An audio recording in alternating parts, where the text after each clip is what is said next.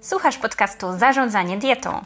Ja jestem dietetyczką, ale przede wszystkim fanem dobrego jedzenia, dlatego pokażę Ci, jak odchudzać się z przyjemnością. Witajcie w kolejnym odcinku podcastu Zarządzanie dietą. I dla osób, które słuchają mnie po raz pierwszy, przypomnę, że nazywam się Agnieszka Ciepłowska, jestem dietetyczką, a pracuję w globalnej korporacji prawnej, a po godzinach rozwijam swoją markę online i ostatnio właśnie wypuściłam pierwszy produkt cyfrowy, którym jest jadłospis. O tym będzie na końcu, żeby Was nie zanudzać. A dzisiaj przychodzę z mega ciekawym tematem, którego, do którego przygotowanie zajęło mi, no nie skłamię jak powiem, że cały weekend, ponieważ przeglądałam publikacje naukowe na temat głodu i sytości. I temat brzmi, jak nie chodzić głodnym na diecie. I sama chciałabym na coś takiego natrafić, zanim zaczęłam swoją przygodę z odchudzaniem i zdrową dietą. E, I sprawa, że tak powiem, nie jest taka prosta, jak się wydaje, no bo pytanie jak nie chodzić głodny na diecie, nasuwa jednoznaczną odpowiedź: jeść więcej. Ale jak tutaj jeść więcej, skoro mamy deficyt energetyczny, czyli jemy mniej niż nasz organizm potrzebuje, i czasami ten głód, o ten głód jest po prostu łatwiej. I chciałabym dzisiaj poruszyć wiele tutaj aspektów o tym, e, jak nasze hormony zachowują się w przypadku odczuwania sytości i w przypadku głodu, jakie to są hormony, e, jak organizm zachowuje się w przypadku osób otyłych i osób z prawidłową masą ciała i przekazać Wam konkretne 14 strategii żywieniowych, które możecie wdrożyć, żeby to odczuwanie głodu zmniejszyć. Dzisiaj jestem mega podekscytowana i chciałam Wam jeszcze powiedzieć, że e, dla osób, które jednak wolą artykuł, przygotowałam taki artykuł na swoim blogu agnieszkacieplowska.pl. Także jeżeli nie lubisz słuchać, a temat jest interesujący, to śmiało wbijaj i poczytaj. Natomiast dla osób, które wolą e, mnie słuchać, no to nie wyłączajcie podcastu. I jeszcze planuję w przyszłości nagrywać wideo. Dajcie mi znać, co myślicie o takim pomyśle, czy to w ogóle ma dla Was sens. A już nie przedłużając, zajmijmy się tym mega fajnym y, odcinkiem. I nie będę tutaj owijać w bawełnę, że otyłość to jest takie błędne koło, to jest taki hormonalny wir, w który jak już raz wpadniesz, to dosłownie cały organizm trzyma cię e, i działa na Twoją niekorzyść. Próbuje Ci powiedzieć, że tak naprawdę to masz tylko grube kości i powinieneś sobie dołożyć więcej tego serniczka, e, ale po wysłuchaniu tego odcinka będziesz dokładnie wiedzieć, dlaczego tak się dzieje i co my możemy zrobić, żeby sobie z tym poradzić. Dowiesz się także, jak dochodzi w ogóle do odczuwania głodu i sytości i tak jak już mówiłam, jakie strategie żywieniowe i nie tylko żywieniowe pomogą Ci nie być głodnym na diecie. I każdy z nas ma jakieś układy, nawet nie jakieś, ale y, konkretne układy, które regulują mu spożywanie pokarmu, wpływają na odczuwanie głodu, sytości, no bo inaczej przecież moglibyśmy jeść nieskończoność i to ten festiwal jedzenia nigdy by się nie skończył, albo wręcz przeciwnie, e, moglibyśmy nic nie jeść przez kilka dni i nie odczuwać z tego problemu, z tego powodu żadnych problemów. Tutaj cała historia e, zaczyna się od e, hormonu, który według mnie brzmi niesympatycznie, grelina, kojarzy mi się z gremlinem. E, I to właśnie grelina krzyczy jeść. To jest hormon głodu, produkowany w żołądku. Jego stężenie wzrasta i kiedy jesteśmy głodni, jak sama nazwa wskazuje, i spadnie po posiłku, więc e, logicznym wydaje się twierdzenie, że wystarczy po prostu zjeść, żeby mieć problem z głowy. I tutaj ciekawostka. U osób z niedowagą obserwuje się wysokie stężenie greliny, czyli wydaje się, że one są ciągle głodne, a u osób otyłych nie dochodzi do prawidłowego obniżenia tego stężenia greliny po przyjęciu pokarmów. Czyli jakby cały czas ten głód, nawet takie tło głodowe występuje u osób z otyłością. Co więcej, jeśli wstrzykniemy komuś, na przykład kogo nie lubimy, porcję takiej greliny, to prawdopodobnie zwiększy on spożycie pożywienia o około 1 trzecią. I tutaj mamy suspens, bo po skutecznej terapii odchudzającej, czyli jak już schudniemy yy, i jest sukces, yy, poziom greliny wzrasta. I właśnie to upatruje się jakby ta sytuacja jest potencjalnie przyczyną, dlaczego tak wiele osób ma problem z utrzymaniem masy ciała. Ja tak zawsze powtarzam, że schudnięcie to nie jest taki problem, można przejść na jakąś randomową dietę i po dwóch, trzech tygodniach zrzucić te 3-4 kilo. Prawdziwym wyzwaniem jest, żeby te schudnięcie, ten, e, to, tą nową masę ciała utrzymać.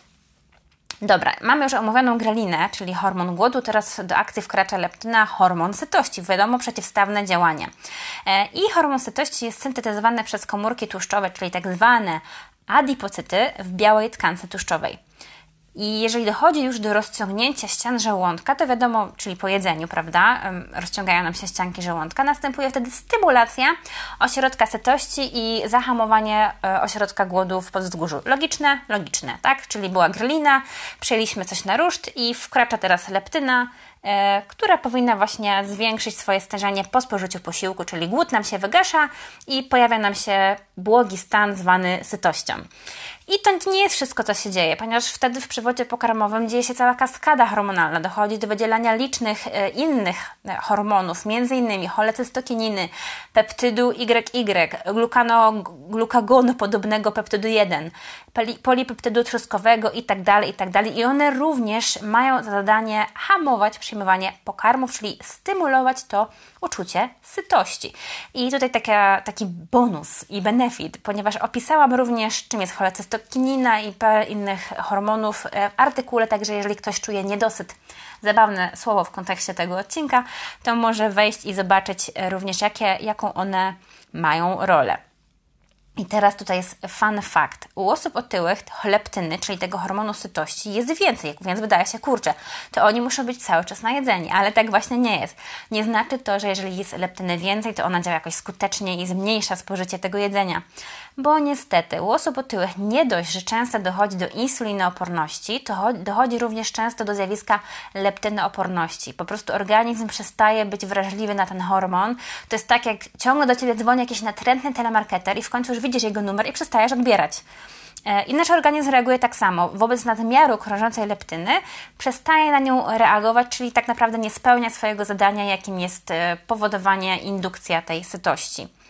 Tak naprawdę, tak jak mówiłam, e, otyłość w takim razie jest błędnym kołem hormonalnym, bo powoduje, powoduje to wzmożony apetyt, silniejszą potrzebę poboru pokarmu. To prowadzi, wiadomo, bo ciężko się temu oprzeć, do zwiększonej podaży energii i jeszcze większej kumulacji tkanki tłuszczowej. To jest takie błędne koło, z którego bardzo ciężko wypaść. I z kolei nie jest łatwe, jak się odchudzasz, bo redukcja ilości tkanki tłuszczowej, zmniejszenie masy ciała u osób z otyłością prowadzi do zmniejszenia stężenia leptyny. Zresztą nie tylko u osób z otyłością.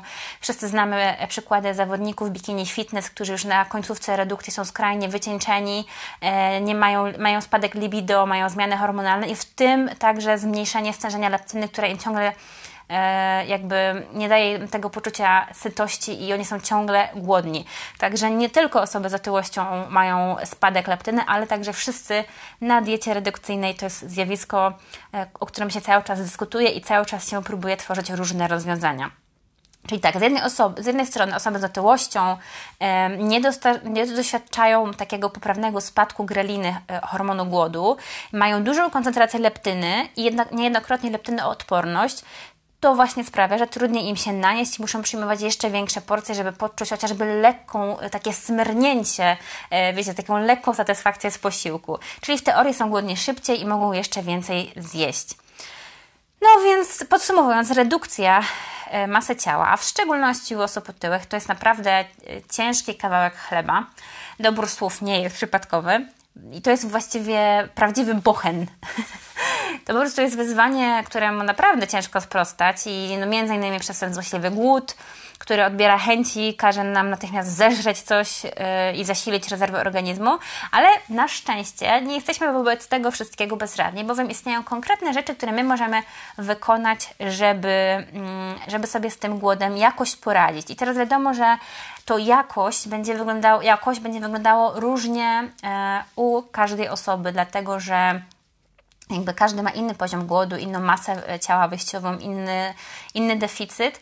Natomiast uważam, że na diecie nie trzeba wcale chodzić głodnym i zrobię tutaj taki mały product placement, dlatego że otrzymuję wiadomości e, u osób, od osób, które stosują moje jadłospisy, że tego jedzenia jest bardzo dużo i rzeczywiście nie chodzą głodne i to jest dla mnie największy komplement, bo w momencie jak ktoś mi przychodzi i mówi, że jest głodny po mojej diecie, to jest mi przykro, autentycznie umiera we mnie mały szczeniak i e, no, najszybciej chcę coś zrobić, żeby ten fakt zmienić.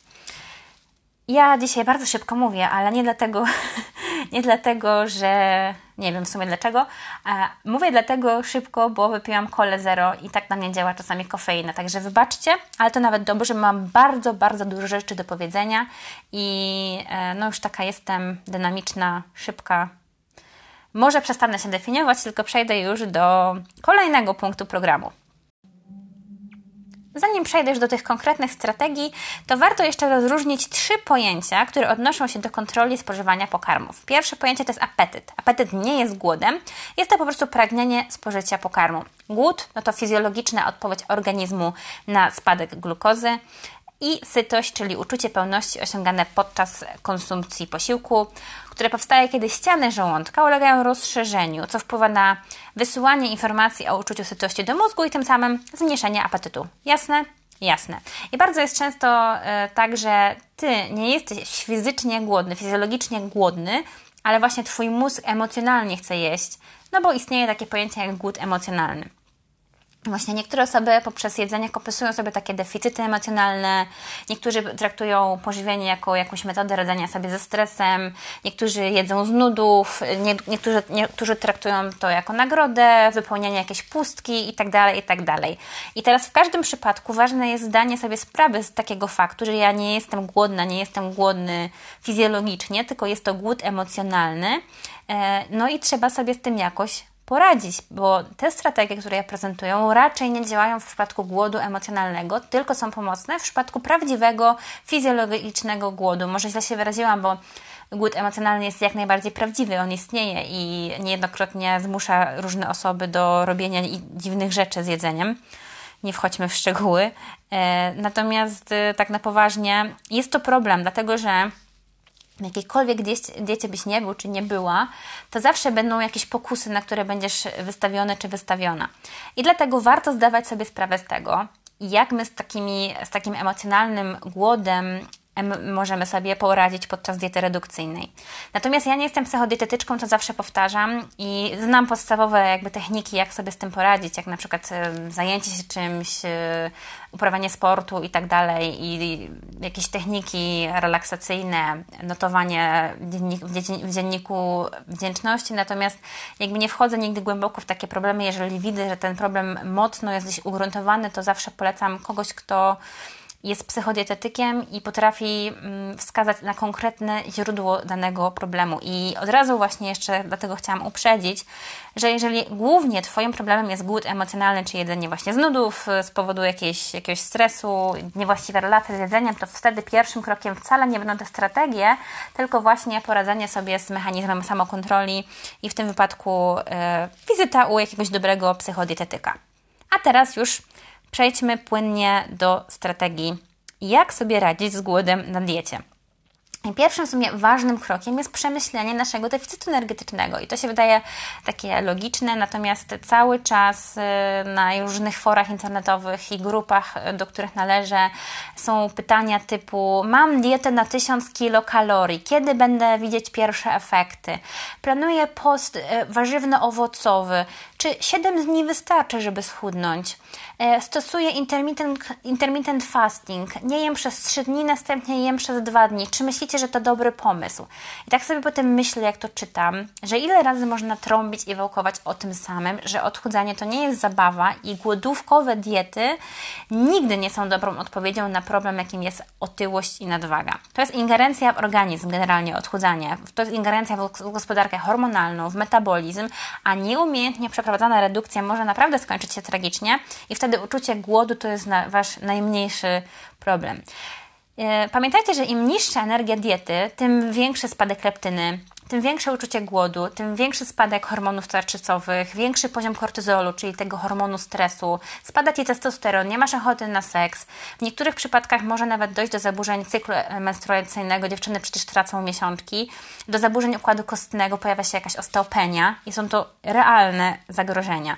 Także to nie jest tak, że my się bawimy trochę w odchudzanie i e, śmieszne, nieśmieszne w jakieś posty głodówkowe, tylko przemyślmy naprawdę, jak ta dieta nasza powinna być skonstruowana i ile energii powinna dostarczać, żebyśmy właśnie nie chodzili ciągle głodni, bo długofalowo, jeżeli chodzimy głodni, to zwiększamy ryzyko tego, że rzucimy się na jedzenie i będziemy kompensować te stracone e, kalorie. Ta redukcja po prostu nie ma żadnego sensu. Także na początek zawsze polecam niski deficyt energetyczny, który potem możesz sobie oczywiście pogłębiać w miarę redukcji masy ciała, o ile czujesz się dobrze, e, nie masz jakichś drastycznych spadków energii i libido. E, pamiętajcie, że zbyt duży deficyt energetyczny może wywołać taki niepohamowany właśnie wilczy głód, e, który skończy się finalnie jakimś epizodem przejedzenia, potem mogą się pojawiać problemy z kompulsywnym obżarstwem, i tak, że tutaj jest jakby inny jeszcze finał tego wszystkiego, bo może dojść do zaburzeń obkurczania pęcherzyka żółciowego, a to z kolei może prowadzić do bardzo bolesnych ataków kamicy żółciowej. Nikomu tego nie życzę raczej. E, poza tym, jakby duży deficyt energetyczny, czyli ta różnica między tym, ile potrzebujesz, a ile spożywasz, to też mniejsza energia podczas treningu, czyli mniej efektywny trening i jeszcze mniejsze spalanie tkanki tłuszczowej po ćwiczeniach. Dlatego najlepiej założyć sobie taki delikatny deficyt, masz wtedy więcej energii na ćwiczeniach, możesz przepalać więcej po prostu na treningach. No, to jest jakby to jest jakby najważniejsza rzecz, żeby sobie tak skonstruować dietę, żeby ona umożliwiła kontynuowanie jej przez długi czas, bo redukcja to nie jest mm, zabawa na chwilę to jest długi, bardzo długi proces. To nie są wyścigi. Strategia numer dwa. Dopasuj liczbę posiłków do siebie. Ja wiem, że koleżanka Ci powiedziała, że duża liczba posiłków podkręca metabolizm i wpływa też na wzmożone spalanie tkanki tłuszczowej yy, i większy stopień najedzenia, ale obecnie właśnie nie ma podstaw, żeby tak twierdzić. Nie ma podstaw, żeby twierdzić, że duża liczba posiłków w ciągu dnia ma jakikolwiek wpływ na Twoje tempo metabolizmu.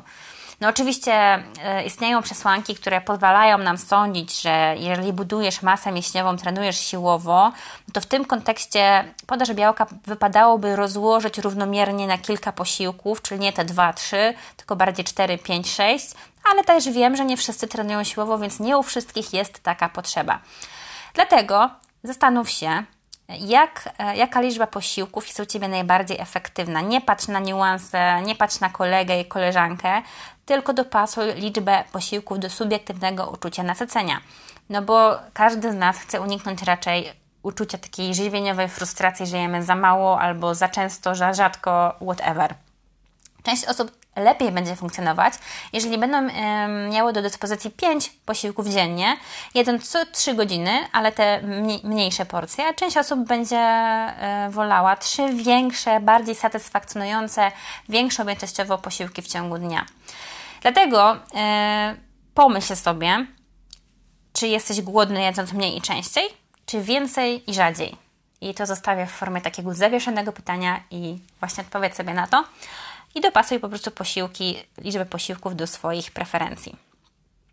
Przypomnijcie mi, żebym przy następnym podcaście nie piła coli zero, bo nie mogę przestać mówić.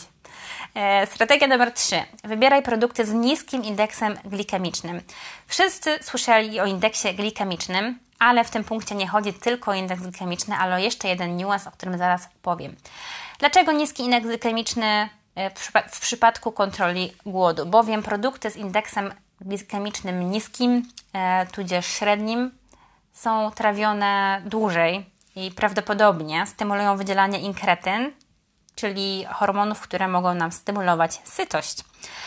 Z drugiej strony konsumpcja węglowodanów o wysokim indeksie glikemicznym, takich jak na przykład miód, i cukier i przetworzona żywność albo bagietka może prowadzić do leptynooporności, czyli, czyli pamiętacie tego zjawiska, gdzie mamy dużo leptyny, czyli hormonu sytości, ale nasz organizm nie reaguje w ogóle na, na to, czyli nie odczuwamy takiej, takiego poziomu sytości. I leptynooporność jest bardzo często powiązana z insulinoopornością i właśnie dlatego niezmiennie, niezmiernie ważne jest zwrócenie uwagi na ten indeks glikemiczny, ale także ładunek glikemiczny posiłków, o, o czym zaraz będę Wam opowiadać. Produkty wiadomo, że powinny mieć e, dużą zawartość błonnika, no bo powoduje to taki wzmocniony sygnał, który ma na celu uwolnienie leptyny i większą sytość. E, dla przypomnienia, jeśli ktoś jeszcze nie wie, nie pamięta albo zapomniał, to indeks glikemiczny określa, jak gwałtownie po spożyciu jakiegoś tam produktu wzrasta nam poziom glukozy we krwi. I są produkty o wysokim indeksie, czyli ten wzrost jest gwałtowniejszy, o średnim e, jest średni i niskim, czyli jest to taki bardziej umiarkowany wzrost poziomu glukozy we krwi. W tym samym jesteśmy mniej głodni, dłużej najedzeni. I właśnie dietę prawidłową dietę powinno się komponować w większości z produktów o niskim i umiarkowanym indeksie glikemicznym, takich właśnie jak warzywa, większość warzyw przynajmniej niskocukrowe owoce, produkty pełnoziarniste, orzechy, chudy nabiał itd., tak itd. Tak I niestety wokół indeksu glikemicznego pojawiło się wiele nieporozumień, bo jak spojrzymy na tabelę, to z tego co pamiętam, to gotowane ziemniaki mają większy indeks glikemiczny niż gorzka czekolada, a wiadomo, że wybierając produkty na obiad, to raczej wybierzemy gotowane ziemniaki z jakimś tam dodatkiem białkowym niż gorzką czekoladę. No chyba, że no chyba, że w sumie to nie wiem co. E, I rzeczywiście glikemiczny indeks ziemniaka jest wysoki, bo wynosi około 50 z tego co pamiętam, i opierając się tylko i wyłącznie na tym wskaźniku, to te biedne e, ziemniaki, i mówię to jako poznanianka, powinniśmy odrzucić. I nie, nie, nie, nie powinniśmy ich odrzucać. Ja uważam, że ziemniaki to jest świetny produkt na diecie. Mm, dlatego właśnie stworzono pojęcie ładunku glikemicznego, który nie tylko patrzy na ten wzrost poziomu glukozy po spożyciu mm, danego produktu, ale odzwierciedla również wielko, wielkość porcji, bo nikt raczej normalny, przynajmniej ja nikogo takiego nie znam, nie zje kilograma ziemniaków na diecie. I właśnie tak ten niechlubny ziemniak w ten sposób ma średni ładunek glikemiczny który wynosi około 14 i śmiało można go jeść, e, a nawet właśnie warto. Czyli ważna rzecz. Sugerujemy się bardziej w kompozycji diety, mm, w komponowaniu diety ładunkiem glikemicznym. Nie znajdziecie gotowe tabele ze spokojem w internecie e, niż tym indeksem glikemicznym, chyba że jakby jaki taki wskaźnik, który produkt wybrać na przykład jako dodatek do czegoś. I warto jeszcze wiedzieć, że jeśli już spożywasz jakieś, jakieś produkty z wysokim indeksem chemicznym, a są takie, bo sama jestem zwolennikiem małych ilości produktów, że tak powiem, zakazanych na diecie, to połącz je na przykład z białkiem, żeby obniżyć całkowity ładunek glikemiczny potrawy i cieszyć się większą sytością. Jeszcze tutaj dodam, że warto wiedzieć, y, o tym mało dietetyków dosyć mówi, jak sobie tak sprytnie zmniejszyć ten indeks i ładunek glikemiczny potraw i posiłków ogółem, żeby finalnie cieszyć się większym stopniem nasycenia, y, przedłużonym jakby trawieniem y, i być szczęśliwszym. Więc na obniżenie indeksu glikemicznego wpływ mają takie rzeczy jak obróbka termiczna. I tutaj niestety Gotowana marchewka będzie mieć większy indeks glikemiczny niż ta surowa i to jest proste do zapamiętania, bo im produkt jest bardziej słodki, czyli ma więcej cukrów prostych, tym ma większy, większy indeks glikemiczny, bo surowe jest zawsze mniej słodkie od gotowanego. Dlatego pod względem tego indeksu glikemicznego zawsze lepiej jeść surowe warzywa i surowe owoce, ale wiadomo, nikt surowego ziemniaka niech nie je, bo będzie bolał brzuch. Sok będzie miał e, zawsze wyższy indeks glykemiczny niż cały owoc. Dlaczego? Bo owoc zawiera błonnik, a błonnik zmniejsza nam indeks glikemiczny. Czyli im więcej coś ma błonnika, tym mniejszy indeks glikemiczny. Na obniżenie indeksu glikemicznego wpływ ma także dojrzałość owoców i warzyw. I tutaj dojrzały banan jest znacznie bardziej słodki, więc, ma, e, więc jest też w teorii smaczniejszy, chociaż ja wolę te zielone, ale ma również wy, wyższy indeks glikemiczny od swojego zielonego braciszka. Zależy także, znaczy wpływ ma także stopień rozgotowania, ponieważ makaron gotowany al dente, czyli taki lekko twardy, będzie miał niższy indeks glikemiczny niż rozgotowana breja albo po prostu bardziej miękki makaron. E, wpływ ma także dodanie do posiłku tłuszczów i lub białka, bo sam banan, jak sobie weźmiecie, będzie miał wyższy ładunek glikemiczny niż banan na przykład z jogurtem. Więc warto sobie zawsze tak komponować dietę, żeby mm, zawsze, jakby żeby nigdy te węglowodany same w posiłku nie występowały, i zawsze sobie połączyć albo z białkiem, albo z tłuszczem, albo z tym i z tym. Nie wierzcie w mit diety rozdzielnej, żeby nie łączyć sobie, nie łączyć w jednym posiłku węglowodanów, białek, tłuszczów, czegokolwiek, dlatego że jak weźmiesz sobie nawet jakiekolwiek warzywo, to ono w sobie ma i węglowodany, i śladowe ilości białka. Także e, ta koncepcja nie ma absolutnie żadnego sensu. Strategia numer 4 to zwróć uwagę na indeks sytości. Jak sama nazwa wskazuje, indeks sytości określa nam sytość po spożyciu danego produktu. E, w badaniu, z tego co pamiętam, podawano uczestnikom produkty, które zawierały 240 kilokalorii sprawdzano ich subiektywny poziom sytości właśnie po dwóch godzinach od spożycia tego produktu. I co ciekawe, za najbardziej sycące produkty uznano gotowane ziemniaki. Mój wewnętrzny Poznań się odzywa i bardzo się z tego powodu cieszy. Makaron pełnoziarnisty, płatki owsiane, jabłka, jaja, pomarańcze i wołowinę. I oczywiście tutaj nie chodzi o to, żeby komponować dietę tylko i wyłącznie z tych produktów, bo jest ich po prostu bardzo mało i ta dieta byłaby raczej niedoborowa, tylko bardziej o to, żeby wiedzieć, jakie produkty mogą e, kogoś kogoś najbardziej sycić i z tych produktów też korzystać przy komponowaniu swojej diety. I rzeczywiście muszę Wam powiedzieć, że jak ja daję w rozpiskach właśnie takie produkty, jak chociażby jaja na śniadanie albo e, makaron pełnoziarnisty, no to podopieczni mi raportują, że są bardziej najedzeni niż jakby mieli dostać kary z białym ryżem. To też zdarzało mi się jakby rozpisywać, bo jestem wielką fanką kary. I tak jakby moje top 3 produktów tutaj posiłków, które ja akurat u siebie na redukcji najbardziej doceniam za sytość, to jest właśnie makaron pełnoziarnisty z cebulką i twarogiem, który smakuje trochę jak pierogi ruskie. E, naprawdę po nim mogę mm, nie jeść przez długi czas. Oczywiście jem, bo mam zapisany następny posiłek zaraz. E, to także ziemniaki gotowane też z twarogiem albo z jakimś grillowanym kurczakiem albo z tofu. I e, makaron pełnoziarnisty z pesto. Czyli widzicie, z jednej strony uważa się, że makaron nie jest wskazany na diecie, a z drugiej strony na przykład mnie najbardziej on syci. Natomiast to będzie zależeć e, od Twojej e, indywidualnej reakcji na pewne produkty. Także nie mam pojęcia, czy to te produkty u Ciebie zadziałają, czy te posiłki nasycą Cię najbardziej, ale to, co polecam zawsze, to potestować, poeksperymentować z indywidualnym odczuciem sytości po poszczególnych posiłkach. I przykładowo mnie owsianka w ogóle nie syci, e, mnie, na mnie nie działa, to jest dla mnie takie lekkie smyrnięcie mojego przewodu pokarmowego, ale moja koleżanka z pracy na przykład może po owsiance bardzo długo nie odczuwać głodu. Także polecam tutaj testować na sobie. Strategia numer 5. Zadbaj o białko w każdym posiłku. I co ciekawe, diety, które zawierały od 18 do 35% dziennej podaży białka, czyli to jest mniej więcej od 80 do 180 gramów, prowadziły do zmniejszenia uczucia głodu i lub uczucia sytości w porównaniu do takich diet, które dostarczały tego białka mniej, czyli to było od 10 do 15% dziennej podaży białka, czyli to mniej więcej wychodzi jako 70 gramów dziennie i mniej. I w kilku badaniach wykazano też potencjalny związek między taką dietą niskoenergetyczną o dużej zawartości białka i zwiększeniem aktywności leptyny, czyli hormonu sytości.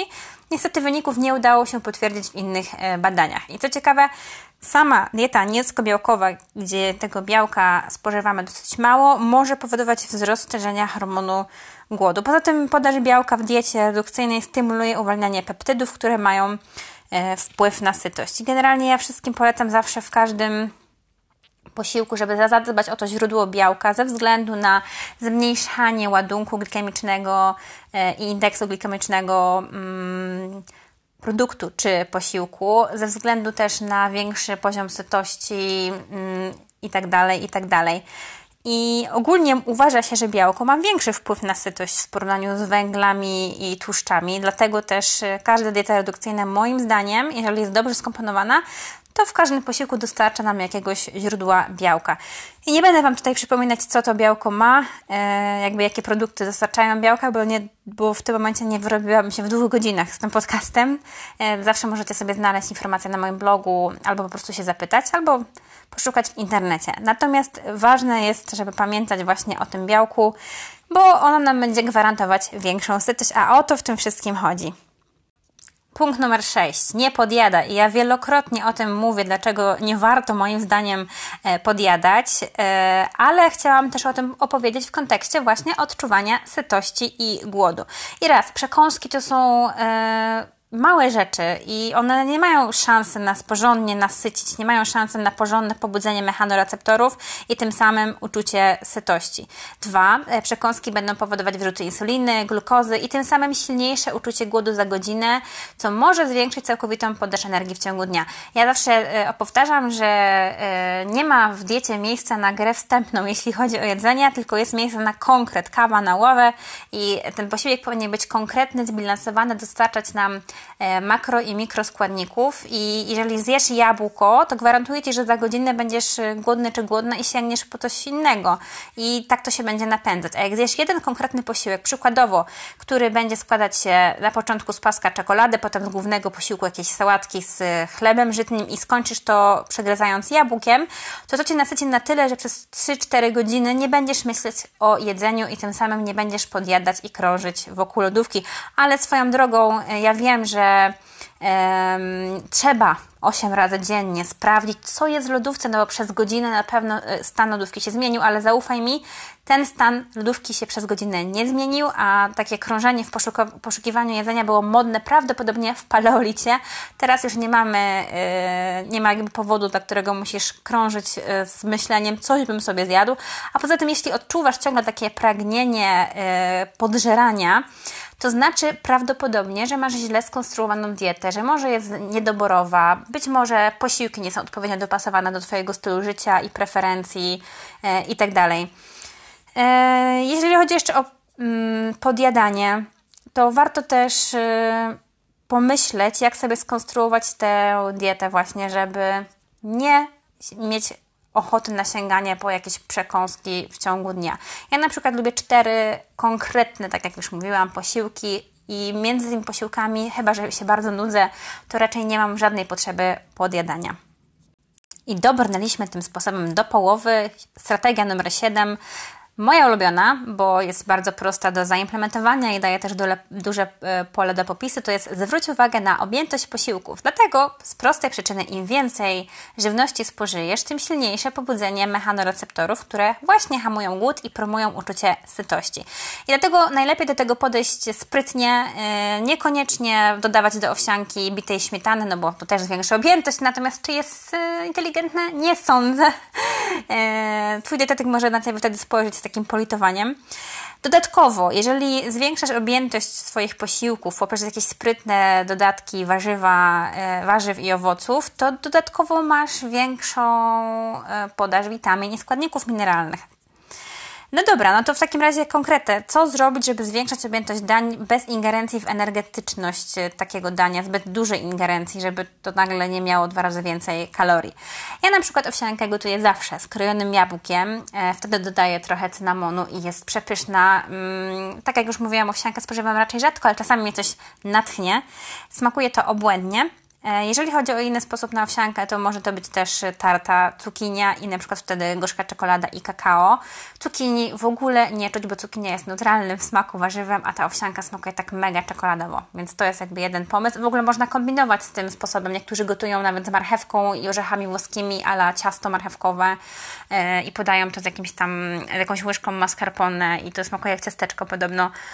Więc y, to jest y, jedny, jeden sposób na to. Mm, jeżeli chodzi o makaron, bo jestem fanką makaronów, y, do makaronów zawsze dodaję taki tarty makaron z cukinii, czyli po prostu starte paski, które znowu nie wpływają mi na smak, a dodają objętości. Mamy żeby taki, no, taką, taki wstęp do konkretnego posiłku, a to jest jeszcze nie koniec, bo jeśli mam miskę makaronu, to zawsze dorzucam do tego rukolę, a jeszcze do tego dorzucam jakąś wyrazistą sałatkę z warzyw typu pomidory, ogórki, e, oliwki, kapary i wtedy dostaję konkretną michę jedzenia.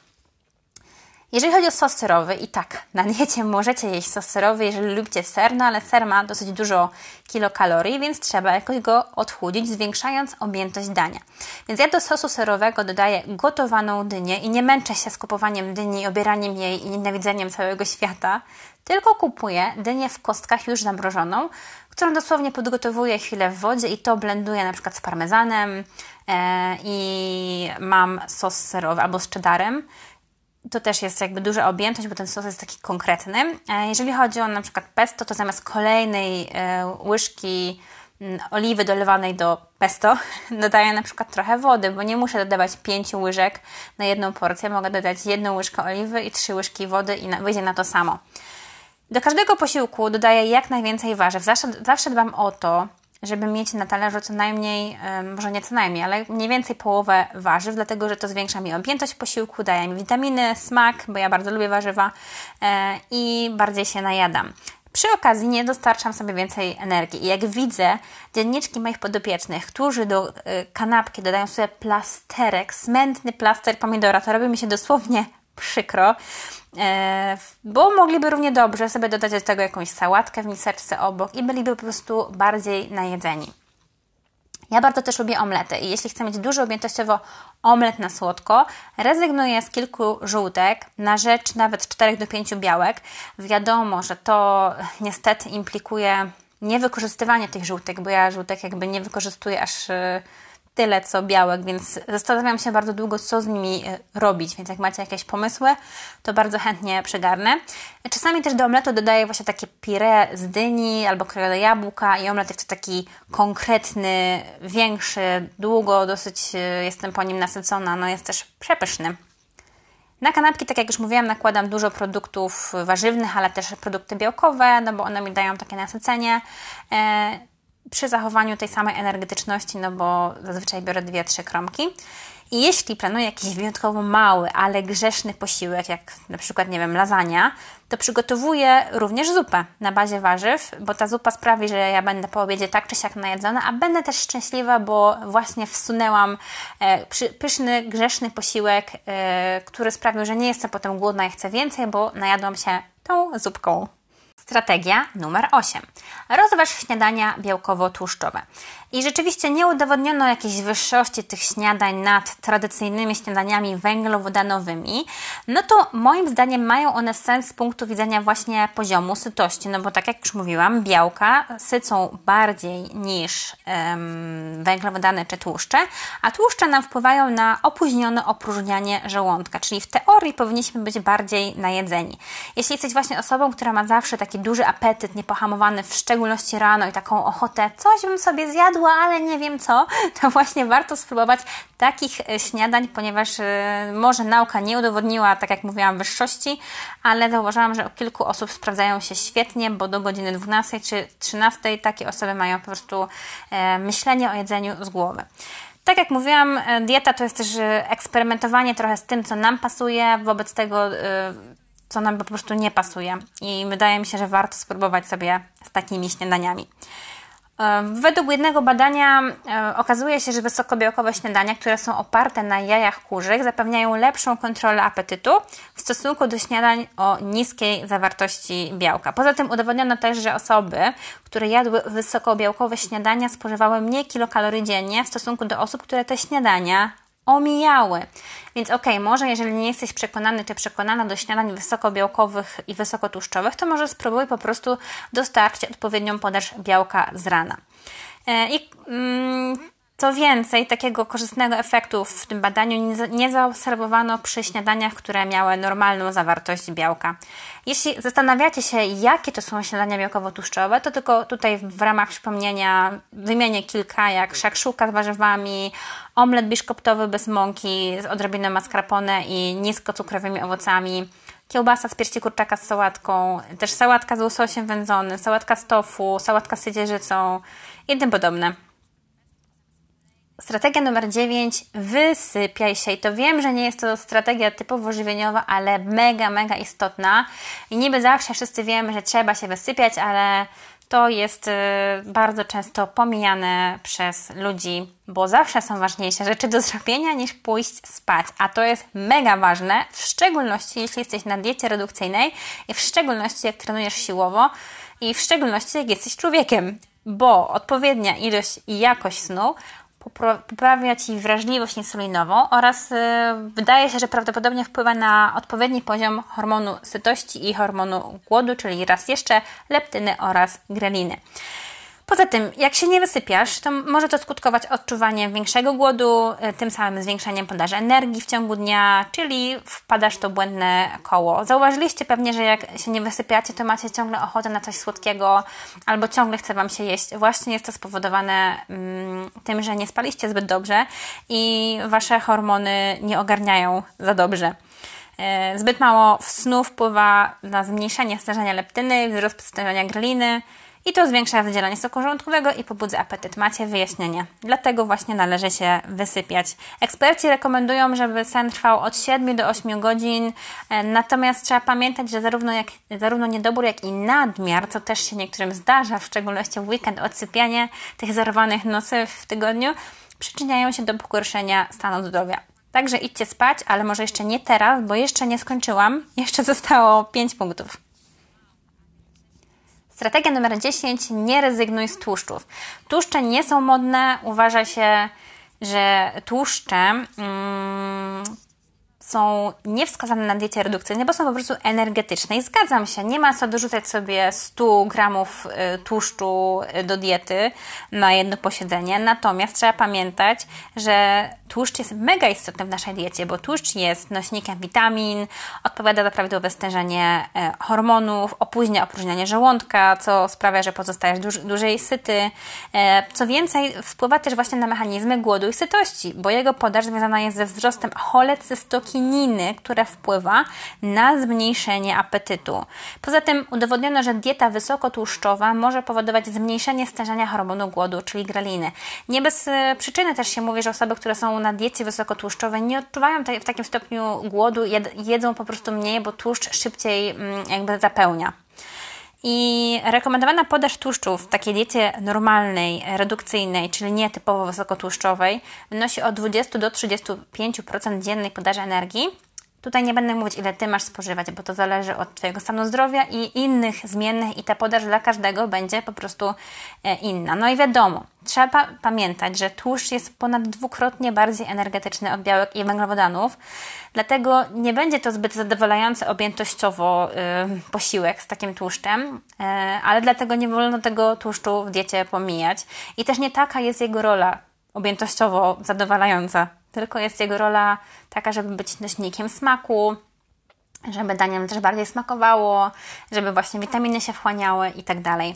Także śmiało dodawaj sobie oliwy z oliwek, e, olej rzepakowy, czy jaki tam tłuszcz lubisz, e, do sałatek, do pesto, wzbogać swoje śniadania, czy omlety, owsianki, kaszki, jakieś masło orzechowe, mały dodatek tego masła orzechowego, czy tam orzechy włoskie, które są źródłem kwasów omega-3, ale zawsze kontroluj porcję tego tłuszczu, bo jak sobie weźmiesz butelkę oliwy, tak chluśniesz do smażenia czy do obiadu, to gwarantuję Ci, że ta dieta redukcyjna nie będzie dietą redukcyjną, bo tłuszcz bardzo łatwo można przekroczyć, jakby jego limit w diecie.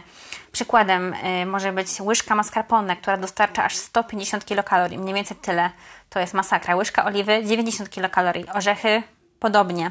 Także tłuszcz na diecie jak najbardziej, tylko kontrolowanych ilościach. I tu, tutaj polecam wagę kuchenną. Ja wszystko odważam, znaczy teraz to już może mniej, ale na początku mojej redukcji wszystko odważałam i teraz już jakby wiem, że łyżka dostarcza mi tyle kilokalorii, łyżeczka tyle yy, i tak dalej.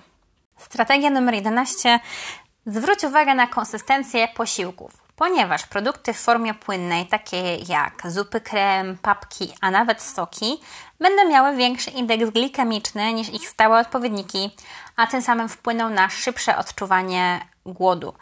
E, ja też w ogóle nie jestem fanką soków na redukcji, bo soki to jest jakby wziąć owoc, pozbawić go tego, co najlepsze i tadam, masz sok. Co innego oczywiście smoothies, które jakby też będą mieć wyższy indeks glikemiczny, bo są, mają taką konsystencję, nie inną. Natomiast ma, zawierają w większości przypadków cały owoc, łącznie ze skórką, więc tutaj ta zawartość błonnika będzie korzystniejsza niż w przypadku soków. Mm, Warzywa i owoce, które są tarte w formie jakichś surówek, będą miały wyższy indeks glikemiczny w porównaniu do całego owocu. Czyli jak masz jabłko, ale chcecie się przypomnieć e, smak dzieciństwa i chcesz sobie zetrzeć, no to miej e, świadomość tego, że będą mieć wyższy indeks glikemiczny niż jakbyś sobie zjadł czy zjadła całe jabłko. Oczywiście jak sobie robisz obiad, no to nie bierz całej marchewki, bo ma niższy indeks glikemiczny niż tarta. Wiadomo, że mm, surówka do obiadu powinna mieć formę surówki, a nie całego warzywa. Natomiast e, dlatego to mówię, bo ludzie często sobie nie zdają sprawy z tego, że konsystencja posiłków na redukcji ma również wpływ na odczuwanie głodu.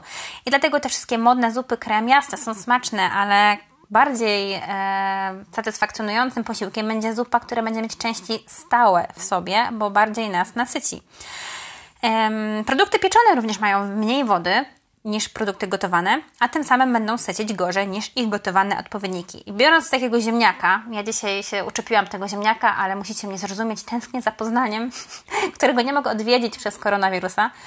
Każdym razie, jak bierzesz tego ziemniaka, 100 gramów załóżmy, i go ugotujesz, ale też upieczesz, no to porcja po upieczeniu wiadomo, że będzie mniejsza niż ta ugotowana, tym samym się mniej po prostu najesz.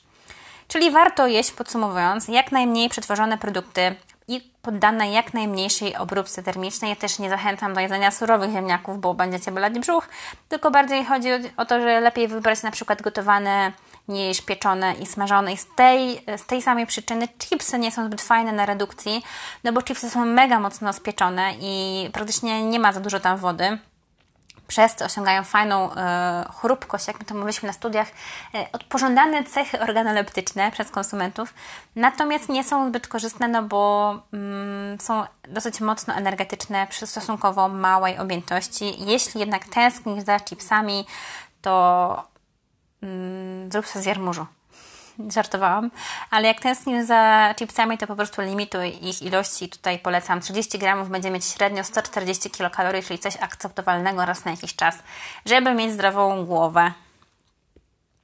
Strategia numer 12. Też niby wszyscy wiedzą, a nadal ludzie to ignorują. Pij wodę. I oczywiście mogłabym teraz mnożyć korzyści z wypijania odpowiedniej podaży wody, ilości, przepraszam, wody. Za dużo używam słowa podaż E, ale ja się skupię przede wszystkim tutaj na tym, że osoby, które piły wodę przed posiłkiem, zjadały mniej.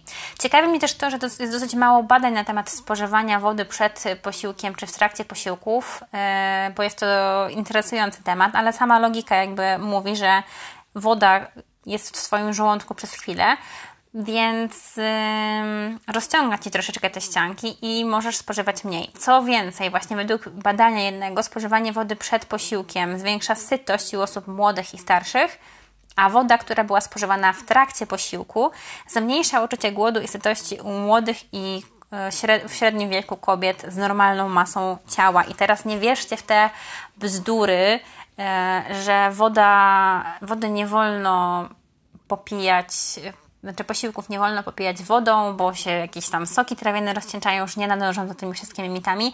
Nie udowodniono tego, także śmiało, jeżeli woda Wam pomaga w kontroli sytości i kontroli głodu, jak najbardziej. Dotarliśmy do przedostatniej strategii, czyli numer 13 metody radzenia sobie ze stresem. I nie wszyscy wiedzą, że częste epizody stresu powodują niestety wzrost kortyzolu i tym samym zwiększone spożycie pokarmów. Nie mówiąc o tym, że niektórzy zajadają stres i stres jest takim, takim kompensowaniem mm, jakichś trudnych chwil w naszym życiu. Poza tym, jeżeli się stresujemy, to wzrasta także stężenie hormonu głodu i y, to też jakaś, jaka ciekawostka, jako ciekawostka, osoby, które mają wyższe stężenie kortyzolu generalnie preferują zazwyczaj słodkie pokarmy, czyli jeżeli jesteś taką osobą, takim łasuchem, y, który ciągle szuka tych słodyczy, to całkiem możliwe, że jesteś też osobą, która się stresuje i nie umie sobie jakby tych y, metod radzenia sobie ze stresem wypracować, co wcale nie jest takie proste. Poza tym uważa się, że stres jest jednym z czynnikiem, który właśnie, który właśnie wpływa na powstawanie otyłości. Ja bym się pokosiła o stwierdzenie, że sam stres może nie wpływa na e, powstawanie tej otyłości, bo stresujemy się, mamy, wszyscy jakby jesteśmy narażeni na stres, tylko brak odpowiedniej metody radzenia sobie z tym stresem albo zbytnia, mm, zbytnie takie uleganie sytuacjom stresogennym.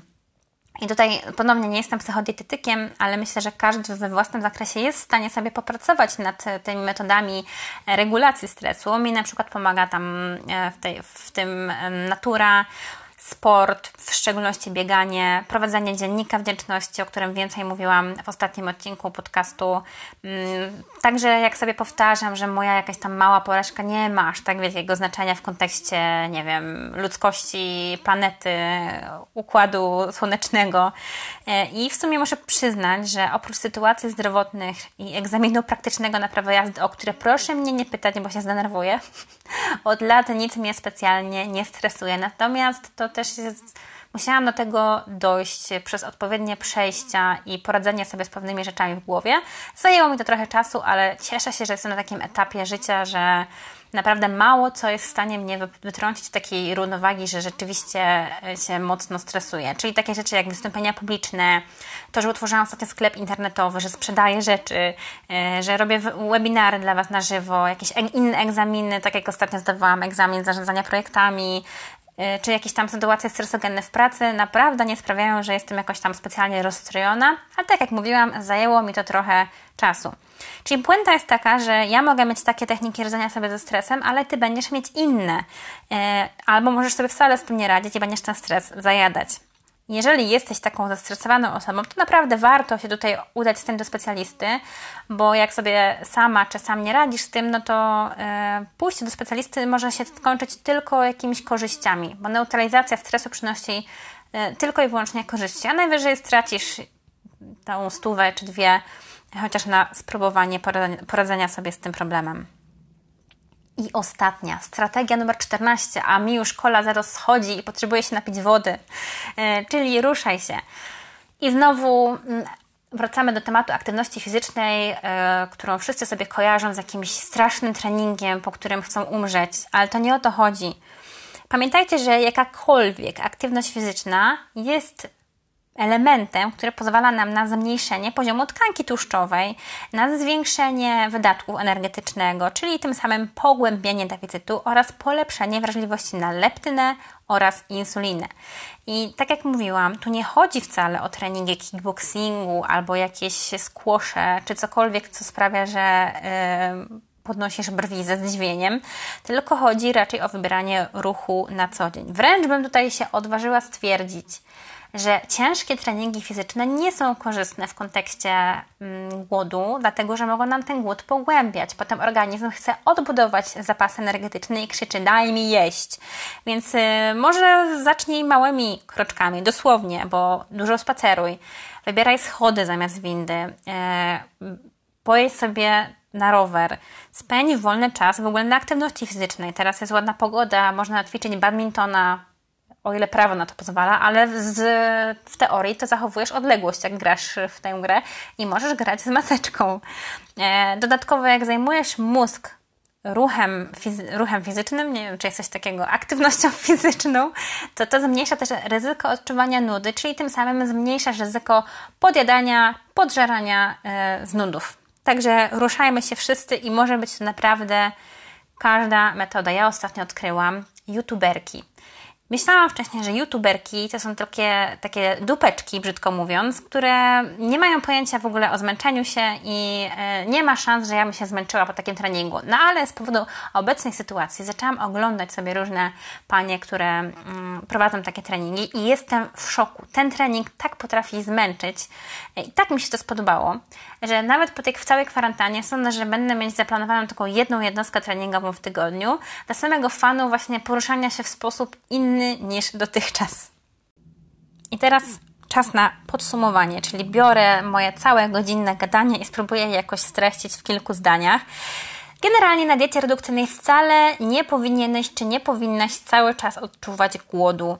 Chociaż normalnym zjawiskiem jest to, że masz mniejszy poziom satysfakcji z jedzenia, czy jakiś tam zwiększony apetyt ogólnie mniejszą motywację, no to są jakby mechanizmy najbardziej nasilone na początku odchudzania. Z czasem powinno być lepiej, ale dopasowując prawidłowo energię diety, tak żeby właśnie deficyt nie był zbyt głęboki yy, i żeby dietę dało się kontynuować przez długi czas, yy, a także mm, jeżeli zadbasz o liczbę liczbę posiłków w ciągu dnia dobraną do siebie i do swojego poczucia satysfakcji, to możesz zadbać o zmniejszenie ryzyka głodu.